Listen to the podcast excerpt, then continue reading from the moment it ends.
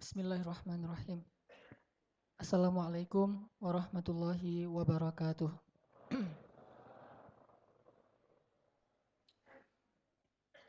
Alhamdulillahirabbil alamin. Segala puji dan syukur kepada Allah Subhanahu wa taala. Dan kita memang pantas banget untuk selalu bersyukur kepada Allah karena ini adalah hari yang kesekian ribu dalam hidup kita menikmati anugerah dan kasih Allah secara gratis. Kita bisa hidup, kita bisa sehat, kita punya waktu luang, kita diberikan rezeki, makan, minum, udara dan semuanya. Ini semuanya adalah nikmat yang gratis yang Allah berikan kepada kita. Dan hakul yakin saya katakan emang gratis banget. Soalnya Allah nggak pernah minta bayaran dari kita sepersen pun. Kalau sesekali Allah meminta kita untuk beribadah, itu bukan untuk membayar nikmat-nikmat yang Allah berikan sama kita. Justru itu Allah lagi menawarkan kepada kita bonus gitu. Pahala yang lain, nikmat-nikmat yang lain yang Allah janjikan setelah kita beribadah. Kayak misalnya kita sholat, Allah janjiin menghapus dosa, mengangkat derajat, pahala surga, dan segala macam termasuk rezeki di dunia. Jadi tetap aja ibadah kita itu nggak bisa ngebayarin nikmat-nikmat yang udah kita rasain. Tetap aja ibadah kita itu dibalas lagi sama Allah, dibalas lagi. Jadi benar-benar nikmat yang selama ini kita rasakan dalam hidup itu Allah kasih gratis banget. Padahal harganya sangat ma mahal, tapi Allah kasih gratis. Sehingga rasa-rasanya dengan nikmat sebanyak itu yang Allah kasih ke kita, sangat pantas kalau kita mengatakan dengan tulus Alhamdulillah. Teman-teman, hari ini kita malam ini kita akan bicara tentang hati. Berawal dari hati. Ini terilhami dari hadis Nabi yang sangat populer dan fenomenal. Kata Nabi, e, di dalam tubuh manusia itu ada senggumpal darah. Jika darah itu baik, semua jadi baik. Jika darah itu buruk, semua ikut buruk. Bukankah itu adalah ha? Hati atau dalam bahasa Arab disebut kolbun yang kalau dalam bahasa Indonesia itu mungkin jantung lebih tepatnya heart.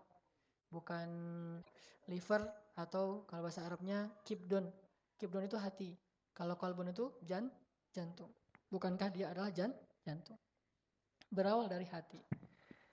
Ditambah lagi hadis bahwa kata Nabi Allah tidak melihat kepada uh, penampilan kalian. Suar penampilan. Allah juga tidak melihat kepada perbuatan atau pekerjaan kalian. Di dalam riwayat yang lain, Allah tidak melihat kepada kekayaan kalian, tetapi Allah melihat ke dalam hati kalian. Ternyata masalah perkara hati ini perkara yang sangat penting dalam agama kita. Ditambah lagi, kalau kita baca buku-buku tentang para eh, buku-bukunya para ulama, karya-karya para ulama, itu rata-rata hadis pertama apa? Yang mereka sampaikan. Kalau ada misalnya kitab Riyadus Solihin, kitab Al-Muwatta, kitab apa pun lah, kitab-kitab para ulama, hadis yang pertama disampaikan apa? Innamal a'malu niat. Itu selalu hadis pertama. Makanya ini hadis populer banget dan hafal di luar kepala karena emang setiap buka buku pertama pasti innamal a'malu niat. Jadi semua ulama atau sebagian besar para ulama menempatkan hadis ini sebagai pintunya segala kebaikan. Hadis ini pintu segala kebaikan. Kalau kita pengen kebaikan apa pun, ini hadisnya. Inilah pintunya. Kalau kita takut dari keburukan apa pun, ini juga pintunya. Kalau kita ingin amal kita berharga, ini pintunya. Kalau kita takut amal kita sia-sia, ini juga pintunya. Intinya, hati itu punya peranan yang sangat penting dalam organ tubuh manusia dalam kajian Islam, menurut Islam. Bahkan kalau kata ulama, hati kita itu adalah rajanya tubuh kita. Raja itu beda dengan presiden. Kalau presiden kekuasaannya tidak mutlak, kalau amir kekuasaan tidak mutlak. Kalau raja itu mutlak. Dia yang memimpin, dia yang buat hukum, dia yang mengesahkan hukum. Pokoknya semuanya titah raja gitu. Sehingga e, kayak negara kerajaan kayak Saudi Arabia itu hukum di tangan raja. Yang menggodok hukum adalah MPR-nya atau DPR-nya, tetapi pengesahannya bukan oleh DPR. Pengesahannya oleh raja. Kan raja nggak mungkin mikirin hukum poin demi poin ya, undang-undang. Mereka yang buat semuanya diserahkan kepada raja. Raja melihat, membaca. Kalau dia ridho ya dia sahkan. Kalau dia nggak ridho, saya nggak suka yang ini. Suka-suka dia. Namanya juga ra, raja. Malik Yaumiddin. Allah itu raja di atas segala raja. Artinya kalau hati itu dianggap sebagai raja, maka kalau misalnya raja ini mau, semuanya juga akan ikut mau. Mata, telinga, pikiran, tangan, kaki, semuanya akan ikut dengan titah hati. Dan kalau hati mengatakan enggan, semuanya juga akan enggan. Intinya semuanya berawal dari hati. Suatu kerajaan, kalau rajanya baik, kayak dulu pernah nonton film Lord of the Ring gitu. Ada yang rajanya gila kan? Yang di kayak diguna-guna gitu, kayak di apa di santet gitu kan ya sama si penyihir. Nah, pas rajanya gila, satu negara ikut kacau kan, jadi gila gitu. Bahkan rajanya ngutus anaknya untuk pasukan yang sangat besar. Ini kok detail banget filmnya. Gitu. Sampai anaknya terbunuh gitu, ya ikut aja karena rajanya yang mengatakan demikian walaupun rajanya udah nggak waras. Nah itulah kerajaan tuh kayak gitu per, murni titah raja. Nah hati kita di antara tubuh adalah seperti raja. Jadi kalau dia benar-benar dijaga kebaikannya, taat sama Allah hatinya udah tunduk, maka semuanya akan tunduk. Tapi kalau hatinya membangkang, semuanya akan membangkang. Sehingga kalau kita mau menjadi orang soleh, mulai dari solehkan dulu hati kita. Jadi nggak usah mikir gimana ya cara nundukin pandangan, hati dulu ditundukin. Gimana ya cara biar saya uh, lisannya bisa terjaga, hati dulu yang kita jaga. Mulai dari hati. Idza saluhat saluha jasadu kullu wa idza fasadat fasada kullu jasadu kullu. Jadi kalau dia baik, yang lain baik, kalau dia buruk, yang lain buruk. Dari hati semuanya. Contoh misalnya kita mau menjadi orang yang paling taat sama Allah gitu. Gimana? Hati dulu. Bukankah Allah mengatakan eh, Nabi bilang dalam hadisnya eh, tiga hal yang kalau seseorang mendapatkannya, merasakannya, dia akan merasakan indahnya i, iman. Jadi kalau kita pengen ngerasain iman itu asik, Islam itu asik, nyaman, santai, enjoy gitu. Kita bisa merasa enjoy dengan agama kita, itu bukan menjadi orang yang kuat, baru saya enjoy pergi ke masjid. Ternyata enggak. Karena kalau hatinya enggak terikat dengan masjid, dia walaupun kuat, jarak ke masjidnya dekat, tetap aja susah ke masjid kan? Makanya dalam hadis tentang tujuh orang yang, tujuh golongan yang dapat naungan Allah itu gimana? Yang ketiga. Orang yang hatinya terikat dengan masjid. Hatinya terpaut dengan masjid. Bukan tubuhnya yang terpaut. Karena kalau tubuh diikat di masjid atau tubuhnya berada di dalam masjid, hatinya di luar, itu nggak bisa juga tetap. Banyak tuh orang nongkrong di teras, teras masjid, azan. Hayya ala sholah. Hatinya itu emang gak tunduk. Walaupun dia nongkrong di teras. Lihat aja masjid agung kita, masjid raya tuh. Orang kan banyak di rumput sintetik atau di teras masjid pada jualan, pada nongkrong, pada eh, apa jalan-jalan. Pas azan, apakah mereka tidak mendengar suara azan? Mustahil. Mereka semua mendengar suara azan yang sangat jelas, apalagi berada di dalam masjid. Tetapi kenapa nggak semuanya sholat? Soalnya bukan tubuhnya yang jauh dari masjid, tapi hatinya yang jauh dari masjid. Sehingga Allah eh, Nabi mengatakan dalam hadis itu orang yang hatinya terpaut dengan masjid. Kalau hatinya terpaut dengan masjid, mau jaraknya berkilo-kilo dari masjid itu datang juga tuh. Apa buktinya? Ketika kita pergi haji dan umroh, saat itu hati kita sangat terpaut dengan Masjidil Haram, dengan Ka'bah. Walaupun tinggalnya di Aziziyah, Aziziyah itu jauh dari Masjidil Haram. Jalan kaki, karena udah nggak ada eh, mobil yang akan mengantarkan kita ke masjid. Soalnya kalau musim haji itu padat banget, mobil nggak bisa lewat. Jalan tuh, Berapa kilo? Tiga kilo lebih juga jalan. Bahkan ada yang jalan dari Mina, itu lebih dari lima kilo. Dari Mina ke Masjidil Haram itu jalan kaki, karena udah nggak mungkin pakai kendaraan, soalnya crowded. Itu jalan juga coba. Kenapa? Hatinya udah terikat dengan masjid, terpaut dengan masjid. Maka tubuh juga akan ngikut. Makanya kalau hatinya dapat, seluruh tubuhnya akan dapat. Itulah kenapa Islam itu nggak boleh memaksakan orang lain untuk masuk kepada agama Islam. Nggak bisa. Di dalam Islam itu ada istilah mu'allaf. Apa arti mu'allaf?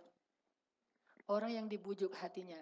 Jadi masuk Islam itu nggak bisa dengan cara paksaan. Mungkin tubuhnya bisa dipaksa, tapi hatinya nggak bisa. Karena ini soal kerelaan, soal ketulusan, soal niat, dan soal ridho. Dan Allah nggak akan nerima juga keislaman seseorang yang terpaksa. Pasti namanya munafik. Mukmin sejati pasti dari hati dia masuk Islamnya dengan kerelaan. Mulai dari simpatik dulu. Nah cara buat orang simpatik itu dibujuk. Namanya mu'allaf. Orang yang masuk Islam sudah dengan rela itu nggak disebut mu'alaf lagi, udah muslim. Jangan udah 30 tahun masuk Islam, ah itu mu'alaf. Enggak, bisa jadi yang mu'alaf itu kita. Yang masih dibujuk untuk datang ke masjid, yang masih dibujuk untuk pakai jilbab, yang masih dibujuk untuk bisa ninggalin dosa-dosa yang kita senangi, masih dibujuk gitu. Dibujuk dengan harta, dibujuk dengan kadang-kadang mau datang ke masjid karena emang kita lagi nyerahin CV misalnya gitu kan ya. Itu kan masih mu'alaf. Berarti kita bisa saja mu'al, mu'allaf rata-rata. Kenapa? Misalnya karena saya di Alatif itu kayaknya Ada tuh, cuma saya nggak tahu namanya. Makanya sampai saya tahu namanya, saya mau ke masjid.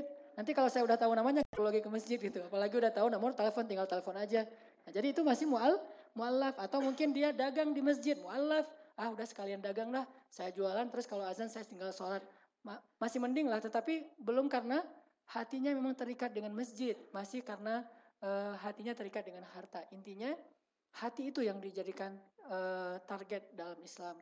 Sehingga kalau hati itu sudah senang ke masjid, mau dia jauh pasti akan datang juga. Buktinya alhamdulillah nih kita teman-teman semua ini, saya yakin ada yang jauh banget, ada yang di Banjaran naik sepeda loh. Yang kemarin ikut Mukhayam, dari Banjaran naik sepeda, berangkat jam berapa? Dari Banjaran mana orangnya? Boleh maaf, bukan untuk ria, biar bagi pengalaman. Ada yang yang dari Banjaran naik sepeda? Teman yang kemarin Mukhayam siapa namanya?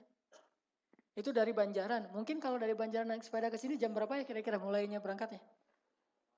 Zuhur ya? Bada asar ya? Zuhur. Bada asar deh, bada asar berangkat sampai di sini pas maghrib. Dari Banjaran rela naik sepeda, pulangnya jam 12 malam karena ikut tarbiyah dulu. Tarbiyah selesai jam setengah 11, jam 10. Nah jam 10 selesai, pulang sana jam 12 baru sampai. Itu kan luar biasa. Kenapa? Karena hatinya udah terpaut dengan Masjid Al-Latif. Sedangkan kita yang tinggal mungkin bersebelahan atau hanya beda beberapa blok dari Masjid Al-Latif, kalau emang hatinya nggak terpaut, mau azannya pakai mikrofon yang sekian ribu, itu nggak nggak sama aja, nggak ngaruh. Ini soal hati gitu. Makanya kalau kita ingin jadi orang soleh, doanya apa? Ya muqallibal qulub, thabbit qulubana ala dinik. Ya musarrifal qulub, sarrif qulubana ila ta'alik, ta'atik. Rabbana la tuzigh qulubana ba'da idh hadaitana. Hati, hati, hati semuanya. Wahai yang membolak-balikan hati, tetapkan hati kami dalam agamamu. Wahai yang memindah-mindahkan hati, yang mengubah-ngubah hati, ubahlah hati kami agar taat kepadamu. Wahai Tuhan kami, janganlah engkau jadikan hati kami condong kepada kedurhakaan. Semuanya ha? hati. Karena kalau hatinya udah Allah jaga, semuanya akan ikut terjaga oleh hati itu. Makanya kalau kita pengen soleh, hati kita yang diperbaiki. Kalau kita ingin jadi orang yang disayang Allah, mulai dari hati dulu. Karena Allah maha wa asirru qawlakum awi jaharu bih innahu alimum bidatis sudur. Kalian rahasiakan ucapan kalian atau kalian nyatakan sesungguhnya dia tahu apa yang ada di dalam dada atau ha? hati. Jadi mulainya tuh dari hati. Sehingga kalau kita pengen jadi orang yang uh, rajin ke masjid, maka hati kita itu harus terpaut dulu dengan masjid. Hati kita itu harus merasa nyaman dulu dengan masjid. Sampai Nabi mengatakan, uh, kalau kalian melihat seorang laki-laki mondar-mandir dari masjid ke rumah, masjid ke rumah, saksikanlah bahwa dia orang yang beriman. Di dalam riwayat yang lain, kalau seseorang menjadikan masjid itu nyaman seperti rumahnya, maka dia orang yang beriman. Artinya apa? Berarti kalau kita mau jadi orang yang rajin ke masjid, hati kita itu belajar terpaut dengan masjid. Dan untuk bisa terpaut dengan masjid banyak sekali faktornya. Salah satu faktor eksternalnya mungkin masjidnya harus dibuat nyaman dengan kondisi yang dia nyaman. Kalau anak muda mungkin buat masjid dengan dekor anak muda, buat masjid dengan suasananya anak muda, ketemu teman-temannya anak muda semuanya, jadi nyaman. Coba bayangin kalau kita datang ke suatu masjid semuanya orang-orang sepuh, kita anak muda sendiri kan agak-agak kurang nyambung tuh ngomongnya tuh. Yang lain ngomongin tentang sakaratul maut, kita ngomongin tentang kelahiran, nggak nyambung gitu. Karena beda zaman gitu, beda letting lah. Yang satu lettingnya letting apa kalau sosial media uh, apa Friendster. Kita mah kan lighting Instagram ya. Kita lu aja kali. Kita mah lighting Instagram, tapi ada teman-teman misalnya lightingnya Friendster atau atau ada lagi yang dulu Hotmail atau apa yang sebelum-sebelumnya beda lighting. Kalau film saya mah lightingnya lighting film Hitman. Tahu nggak? Kalau nggak tahu berarti anak muda tuh. Hitman. Apa dulu? Zaman-zaman saya tuh kalau yang film apa yang ininya uh, tipe Sultan filmnya Brahma Kumbara. Nah itu zaman-zaman itu letting tahun 80-an. Kalau yang 2000-an sekarang mah udah macam-macam lah saya juga udah ngikutin. Artinya kalau kita udah nyaman hati kita di situ, itu nggak ada masalah mau hujan, mau panas, mau malam, mau siang, mau jaraknya jauh, mau mau sakit, bahkan sakit pun kalau masih bisa jalan, jalan. Karena hatinya udah terikat dengan masjid. Begitulah sahabat dibujuk hatinya oleh Rasul. Sedikit demi sedikit ketika hatinya udah mantap, apa aja mereka mau gitu. Di situ ada musuh. Mereka menuju kepada musuh walaupun seorang diri. Kenapa? Hatinya itu udah cinta banget dengan syahid. Hatinya itu udah cinta banget dengan akhirat. Tapi kalau cuma dibilang syahid itu pahalanya gede dan segala macam. Sementara hatinya belum jatuh cinta dengan kesyahidan. Itu nggak usah lihat musuh. Ngangkat senjata aja males. Walaupun jumlahnya banyak pasti menang kalau secara hitung-hitungan manusia, tetap aja nggak berani. Kenapa? Hatinya itu belum dibawa ke sana. Makanya Islam itu kemampuan untuk ta'riful kulub. Di dalam Instagram itu saya ada satu apa caption saya bilang dakwah itu adalah seni memikat hati, bukan ngejaks tetapi ngajak. Dakwah adalah seni memikat hati. Karena kalau kita nggak mampu memikat hati orang, kita nggak akan mungkin mendapatkan loyalitasnya atau uh, apa uh, kemampuannya uh, apa loyalitas dan pengorbanannya. Nah, para sahabat itu sudah semuanya didapatkan hatinya oleh Rasulullah Sallallahu Alaihi Wasallam dan hati itu nggak akan pernah bisa dipaksa. Raja gitu, raja itu nggak bisa dipak dipaksa. Siapa yang bisa memaksakan raja? Raja itu dibujuk. Makanya orang yang punya sifat leadership, orang yang punya sifat uh, pemimpin, dia free kan? Dia nggak akan pernah bisa dipaksain sama siapa pun. Nah kalau dia berkehendak, maka dia mau gitu. Kalau dia nggak berkehendak, nggak ada yang bisa memaksa dia. Sama kayak para sahabat, mereka semua itu punya jiwa kesatria. Kesatria itu nggak bisa dipaksa. Kayak Ikrimah gitu. Ikrimah pas dia dikalahkan dalam penaklukan kota Makkah, Ikrimah itu lari ke Jeddah. Pas sampai di Jeddah, dibawa pulang sama keluarganya. Ikrimah pulang aja, kamu nggak akan dibunuh oleh kaum muslimin, dijamin oleh Rasulullah. Ya udah dia pulang karena udah dapat jaminan. Pas dia pulang udah dapat jaminan akan selamat, baru dia datang kepada Rasul. Pas datang kepada Rasul, Rasulullah langsung berdiri. Pas melihat Ikrimah masuk di pintu, Rasulullah langsung berdiri. Kemudian Rasulullah mengatakan, selamat datang wahai uh, apa mujahid sejati dalam Islam. Padahal belum masuk Islam. Rasulullah langsung menarik hatinya. Kemudian dia duduk, dia bilang, ya Muhammad. Masih gaya-gaya sombong gitu. Ya Muhammad. Kalau saya sekarang tidak masuk Islam, apakah kamu akan membunuh saya? Kata Rasulullah, tidak wahai Ikrimah. Semuanya bebas mau masuk Islam atau tidak. Kalau begitu, saksikanlah bahwa saya asyhadu an la ilaha illallah wa annaka rasulullah. Ketika dia dijamin gak akan dibunuh, free banget dengan pilihan dia dia masuk Islam baru dia katakan asyhadu an la ilaha illallah. Tapi kalau dia masuk Islam karena mau dibunuh itu dia gak akan lakukan.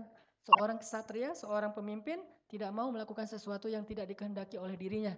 Makanya Ikrimah itu kesatria sejati, dia masuk Islam bukan karena terancam, tetapi karena pilihan. Maka hati juga demikian.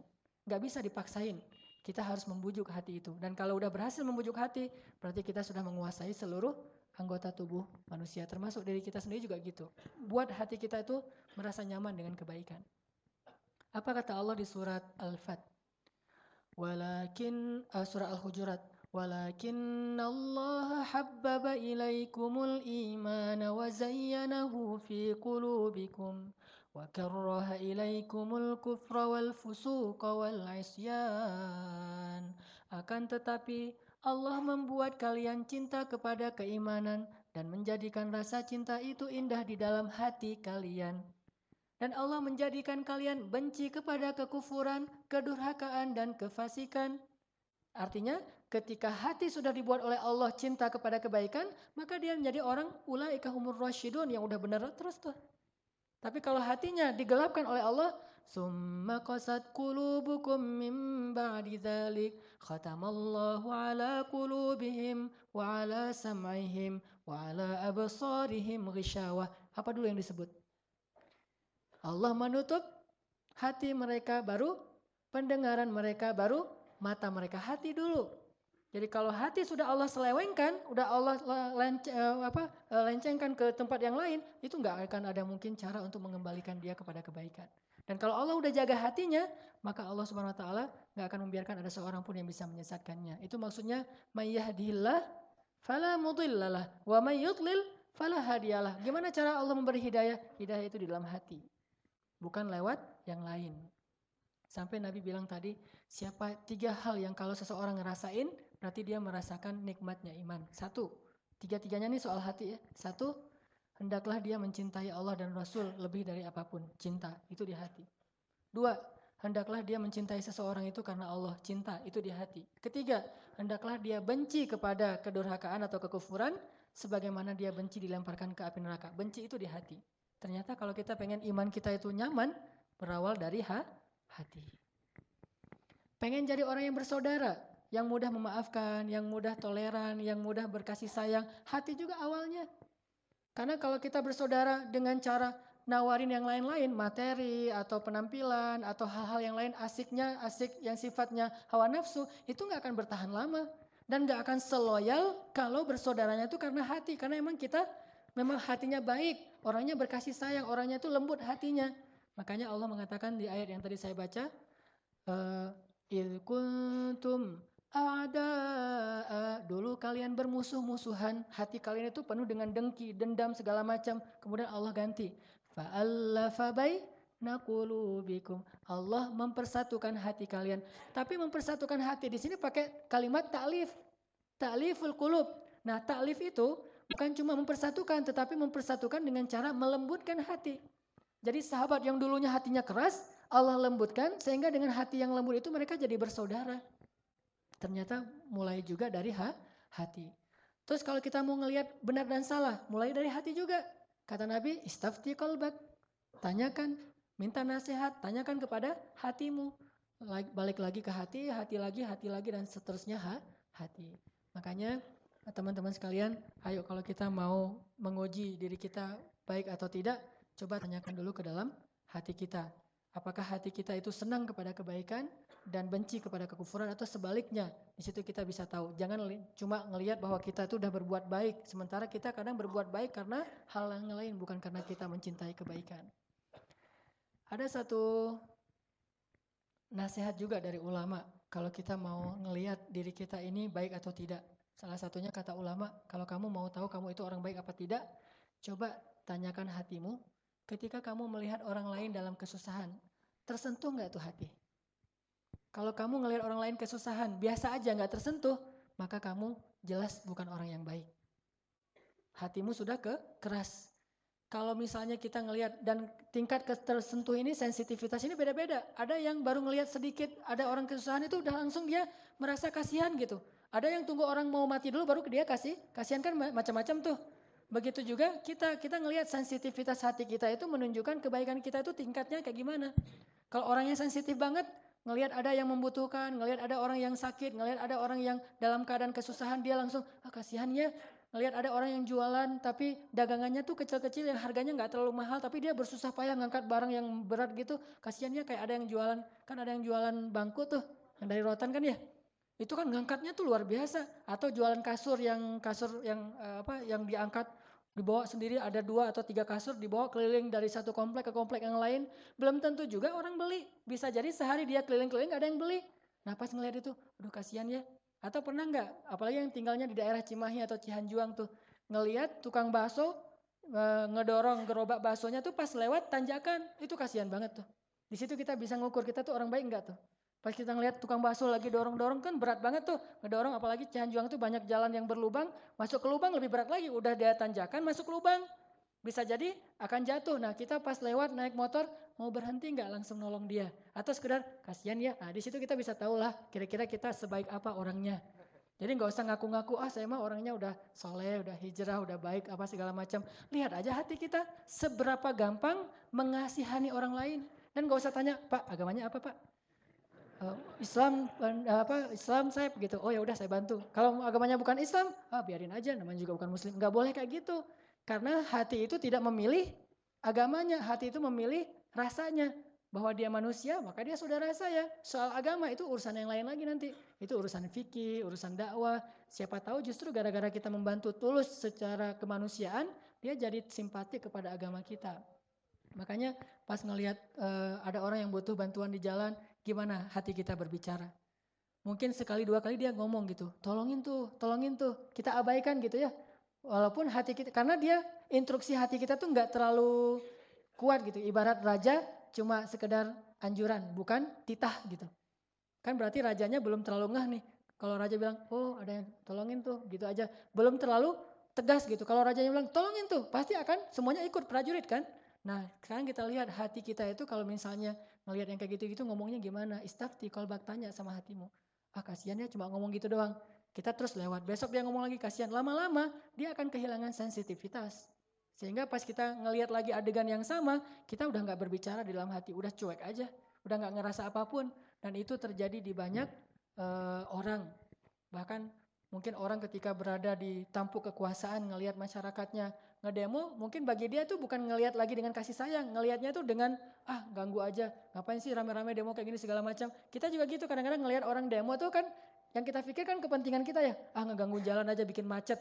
Kita nggak memikirkan dia demo itu karena dia lapar, misalnya para buruh. Demo itu karena menuntut hak, soalnya hak dia tidak diberikan sesuai dengan yang dia harapkan dan dia tidak bisa menafkahi keluarganya dengan baik. Kita nggak berpikir sejauh itu, kenapa? Nggak berbicara pakai hati ke orang lain, tetapi pakai hawa nafsu untuk diri kita sendiri. Jadi uji kesolehan kita itu dengan menguji hati. Coba sering-sering ngasah sensitivitas hati kita itu dengan melihat ke bawah.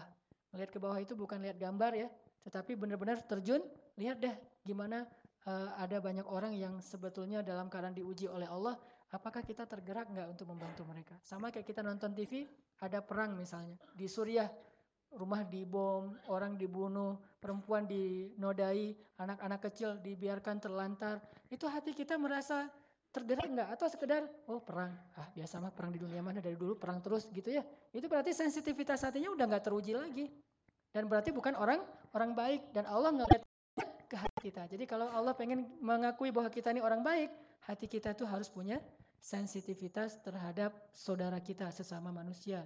Mungkin lebih sempit lagi sesama muslim, lebih sempit lagi keluarga kita. Insya Allah nanti kita coba lanjutkan setelah sholat isya. Teman-teman sekalian, coba kita buka surat Al-Hasyr, surat 59.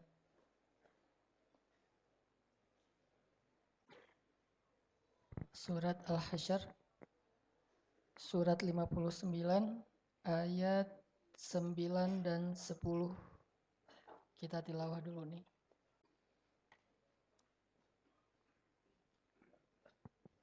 surat Al-Hasyr surat 59 ayat 9 dan 10. A'udzu billahi minasy syaithanir rajim. Silakan.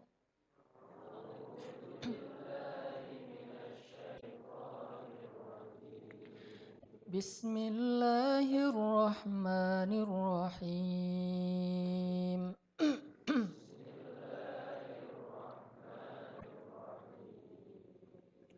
والذين تبوأوا الدار والإيمان من قبلهم يحبون من هاجر إليهم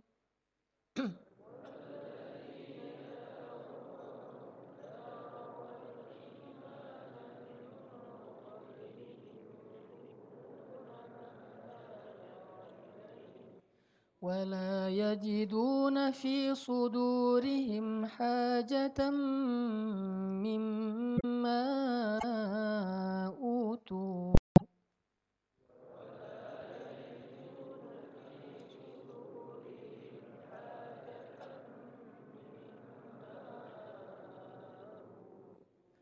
ويؤثرون على أنفسهم ولو كان بهم خصاصة.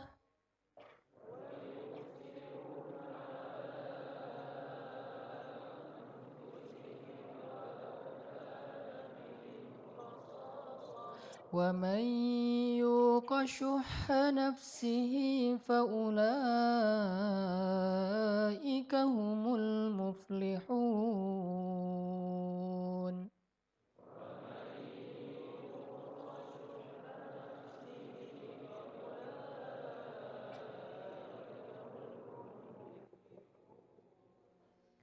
والذين جاءوا من بعدهم يقولون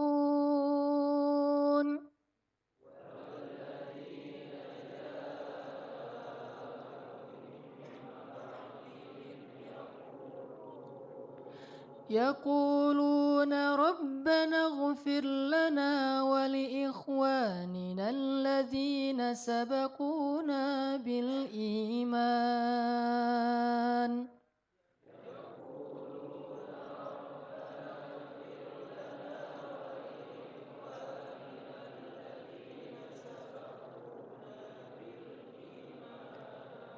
ولا تجعل في قلوبنا غلا.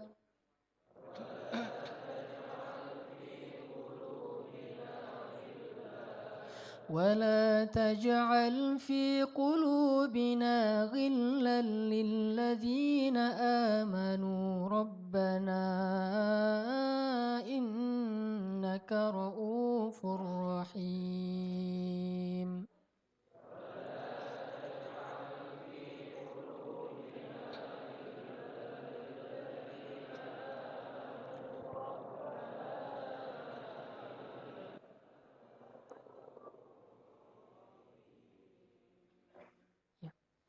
Teman-teman sekalian, kalau kita perhatikan ayat 9, itu berbicara tentang rahasia kenapa orang Ansor itu jadi kaum yang sangat-sangat baik akhlaknya.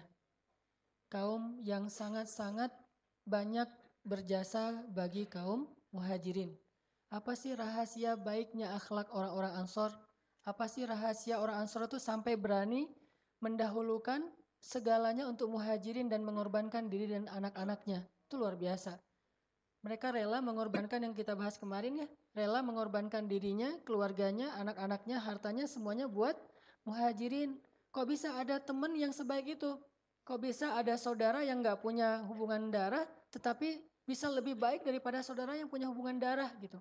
Ternyata rahasianya itu adalah hatinya. Hati orang Ansor itu hati manusia yang paling baik yang pernah dikisahkan Al-Quran dan dikisahkan hadis. Itu hatinya orang Ansor.